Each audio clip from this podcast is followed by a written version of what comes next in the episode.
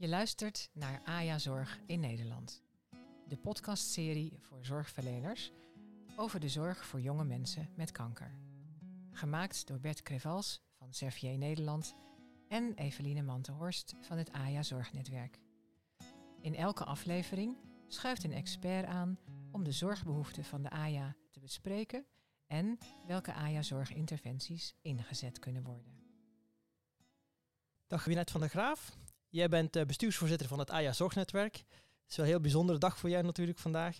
Daarnaast ook internist-oncoloog in het Antonie van Leeuwenhoek, het uh, Nederlands Kankerinstituut. En uh, professor of Medical Oncology aan de Erasmus Universiteit in Rotterdam. En Olga Gesson, hoi. Jij bent onderzoeksleider aan het Nederlands Kankerinstituut. Welkom. We waren samen net getuigen van een heel bijzonder moment, wat ik toch even wil noemen voor de luisteraars die er niet bij waren. Misschien kan jij er iets over vertellen. Ja, dat was een heel feestelijk moment waarop Evelien Mant, de directeur van het uh, Nationaal AJA Zorgnetwerk, uh, geridderd werd. Een mooie koninklijke onderscheiding kreeg die meer dan terecht was. En uh, zij kreeg dat na een hele feestelijke toespraak van de loco-burgemeester van de Beeld. Voor een volle zaal met 400, 450 mensen. mooier kon het niet. In aanwezigheid natuurlijk van de familie die hier gelukkig voor was gekomen. En uh, van ons allemaal. Het was heel erg leuk en het, uh, ja, ze was er zelf ook heel blij mee. Ja, ze was heel verrast. En de reden waarom ze het, het, eh, de onderscheiding gekregen heeft, had ook te maken met eigenlijk de presentatie die je zelf gegeven hebt aan het begin van de dag. Namelijk alles wat er verandert, wat er gebeurd is in de voorbije 10 tot 15 jaar met betrekking tot optimalisering van de AJA-zorg. Kun je ons even meenemen waar we 10, 15 jaar geleden stonden en wat er allemaal gebeurd is in de laatste jaren? Ja, ik denk zelfs dat we nog iets langer terug kunnen. Ik denk 2008, 2009, toen we de eerste stappen in het radboud zetten om te zeggen dat zorg eh, voor jongvolwassenen echt aparte aandacht verdiende. En dan merk je in, in het begin dat daar heel veel ook al weerstand is. De gebruikelijke antwoord, het zijn er maar zo weinig. En dat komt meer omdat al die patiënten verdeeld zijn over het hele ziekenhuis, zodat iedereen inderdaad denkt dat het er maar weinig zijn. Dus dat was een, een begin en al spoedig uh, kwam daar toch een hele een enthousiaste groep in het uh, Radboud bijeen. Die, die snapte dat we beter naar de patiënten moesten luisteren. En wat die graag wilden dat we voor hen gingen organiseren. En dat was in ieder geval ook een poli waar ze apart langs konden om hun leeftijdsspecifieke zorgen uh, en problemen te delen. Waar de dokter zeg maar, in het spreekuur geen tijd voor had. En van daaruit kwamen steeds meer dingen naar boven van we dachten, we willen eigenlijk veel meer. Deze zorg moet uitgebreid worden. We moeten multidisciplinair hebben. We moeten ondersteunende zorg hebben. En op zo'n moment dat je veel wil, heb je eigenlijk behoefte aan iemand die daar de hele dag de tijd voor heeft. Want in die tijd heb ik dat opgezet samen met Rosemarie Jansen, verpleegkundige specialist.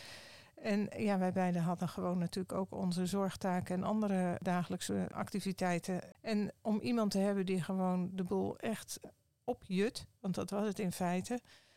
Ja, dat was enorm fijn dat we in 2011, 12 Evelien Manten konden aannemen. Die de kwartiermaker werd voor het AJA-zorg. En toen heeft ze de taskforce ingesteld in het Radboud. Waardoor er meteen veel meer mensen in het Radboud bij betrokken werden. En waardoor we ook thema's gewoon beter uit konden werken. Van je kunt wel zeggen, er is een probleem met fertiliteit. Maar ja, dan wil je daar ook handen en voeten aan geven. Dat mensen weten waar je daar vervolgens mee terecht kan. En ja, van het een kwam het ander. En vanaf 2013, 14 zijn we, zeiden ja, maar we willen dit eigenlijk landelijk. Moet niet alleen in de radboud zijn. En toen is het eerst naar alle UMC's gegaan. En vanaf 2018, eh, toen het in de Sonkelsnormen kwam zijn ook alle algemeen ziekenhuizen één voor één aan het aansluiten. En dat zijn er nu 66 van de 75 ziekenhuizen in Nederland. Die dus basiszorg verlenen voor AJA's. Dus die alleen al beginnen met te herkennen en erkennen dat een AJA iemand anders is dan een tussen aanhalingstekens gemiddelde kankerpatiënt van 60 jaar. En die daar ook, wat je ook merkt, razend voor gemotiveerd zijn om daar goede zorg aan te geven. Ja, en dat is een enorme verandering door de jaren heen. En nou, recent hebben we ook eindelijk de financiering voor het AJA-zorgnetwerk zoals het er nu staat, met een nationale aanvliegenroute en een centrale coördinatie waar Evelien als directeur een hele belangrijke rol in speelt. Dus dit jaar is de financiering van heel het zorgnetwerk rondgeraakt na meer dan 15 jaar eigenlijk uh, bouwen aan het netwerk. Ja, zo klopt dat. En, en we hebben natuurlijk niet 15 jaar alleen maar aan die financiering gewerkt. Dat was toen we eenmaal landelijk gingen. Maar dat heeft wel veel tijd gekost. En het geeft ons ook een erkenning van dat wat we aan het doen zijn, dat dat nuttig werk is. en het is ook heel erg mooi te zien als je hier in het buitenland wel over vertelt, dat ze daar toch ook wel van onder indruk zijn hoe we dat hier nu georganiseerd hebben. En ik hoop dat met die financiering er ook gewoon nog weer nieuwe stappen gemaakt kunnen worden. Kun je kort de kernwaarden van de AJA-zorg even noemen? Wat is specifiek leeftijdsspecifieke AJA-zorg? Dat is zorg die uh, naast de medisch-technische zorg voor de ziekte zelf, die door de dokters geleverd wordt, met name gaat over zaken als uh, intimiteit, fertiliteit, seksualiteit, opleiding, hè, studies, werk, werkeloosheid ook. En ook uh, existentiële vragen van waarom krijg ik dit in, op dit moment in mijn leven en wat zijn de late effecten daarvan. En als je niet meer beter wordt, kun je helemaal je voorstellen dat je een totaal ander pad gaat lopen dan een andere jongvolwassene die zijn mijlpalen allemaal aan het halen is en jij mist ze één voor één. En daar, daar gaat die zorg allemaal over. Dat je echt nadenkt van wat zijn de mijlpalen die iemand anders tussen de 18 en 39 jaar behaalt. En wat gaat er hier mis? En hoe kunnen we misschien al door vroegtijdig zorg aan te bieden meehelpen dat zo iemand niet vast gaat lopen later. En dat is eigenlijk een van de kerndoelen, dat we vroeg door vroeg in te grijpen en weten wat er speelt. Het ook al tijdens de behandeling aangenamer, voor zover dat kan, te maken voor de AYA, zodat hij zich niet zo geïsoleerd voelt en zoekend. En ook daarna uh, weer sneller uh, ja, zeg maar in de maatschappij terug kan komen. Dus deze zorg is inmiddels beschikbaar in uh, 66 ziekenhuizen. Dat zijn eigenlijk bijna allemaal in Nederland. En een enorm compliment daarvoor.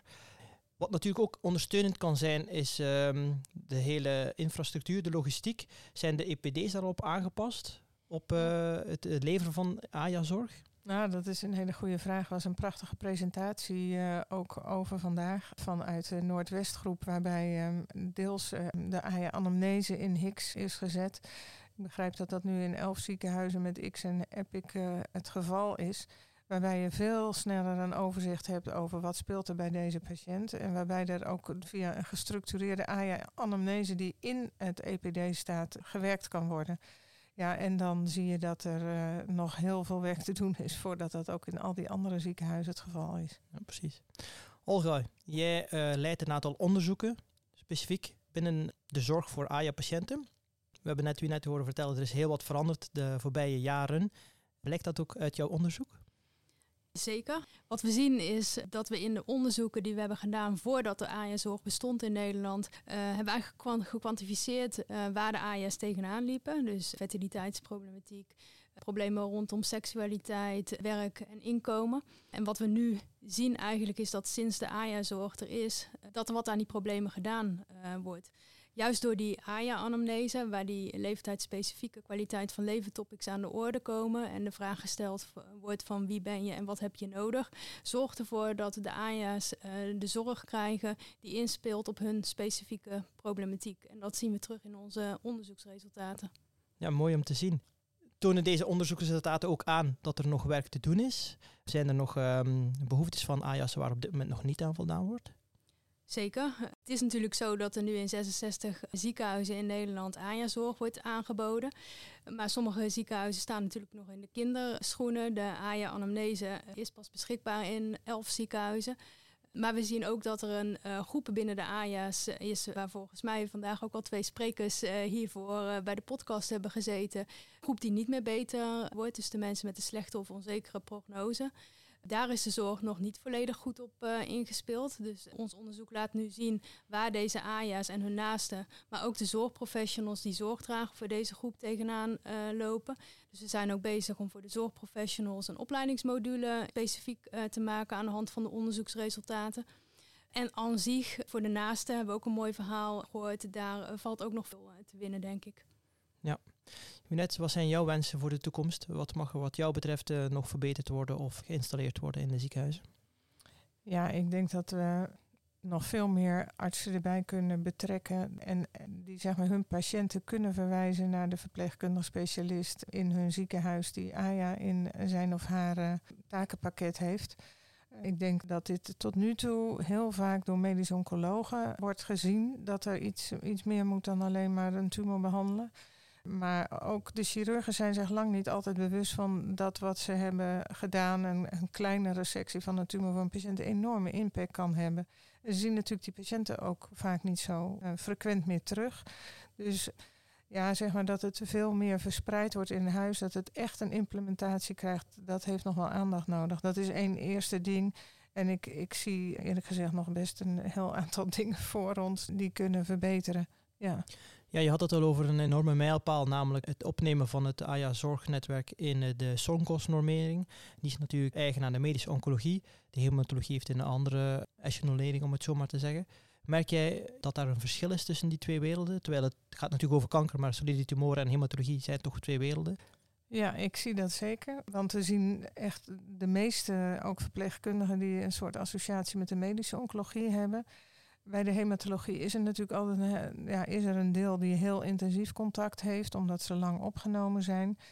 Je hebt ook wel sommige andere uh, survivorship netwerken voor de lymfoom bijvoorbeeld. Maar dat is niet alleen maar leeftijdsspecifiek. Dus het is ook een soort mindset. En daarin zijn wij overigens niet de enige in Nederland. Want als je internationaal kijkt, zien we precies hetzelfde. Dat het met name door medische oncologen, die denk ik de ja, meest logische follow-up zijn van kinderoncologen, dat die deze kaart trekken. En daar is nog echt heel erg veel in te verbeteren. En ik vind het ook heel erg mooi dat wij bijvoorbeeld een neurologe betrokken hebben bij het onderzoek uh, naar patiënten met laaggradige gliomen, dus die uiteindelijk niet beter worden. En die zijn er ook heel erg voor gemotiveerd. En ook longartsen. En ja, ik denk dat we wat dat betreft aan het begin staan om alle disciplines erbij te gaan betrekken. Er is nog werk aan de winkel. Oh ja, genoeg. Maar er is ook al heel veel gebeurd. Zeker. Dank jullie wel.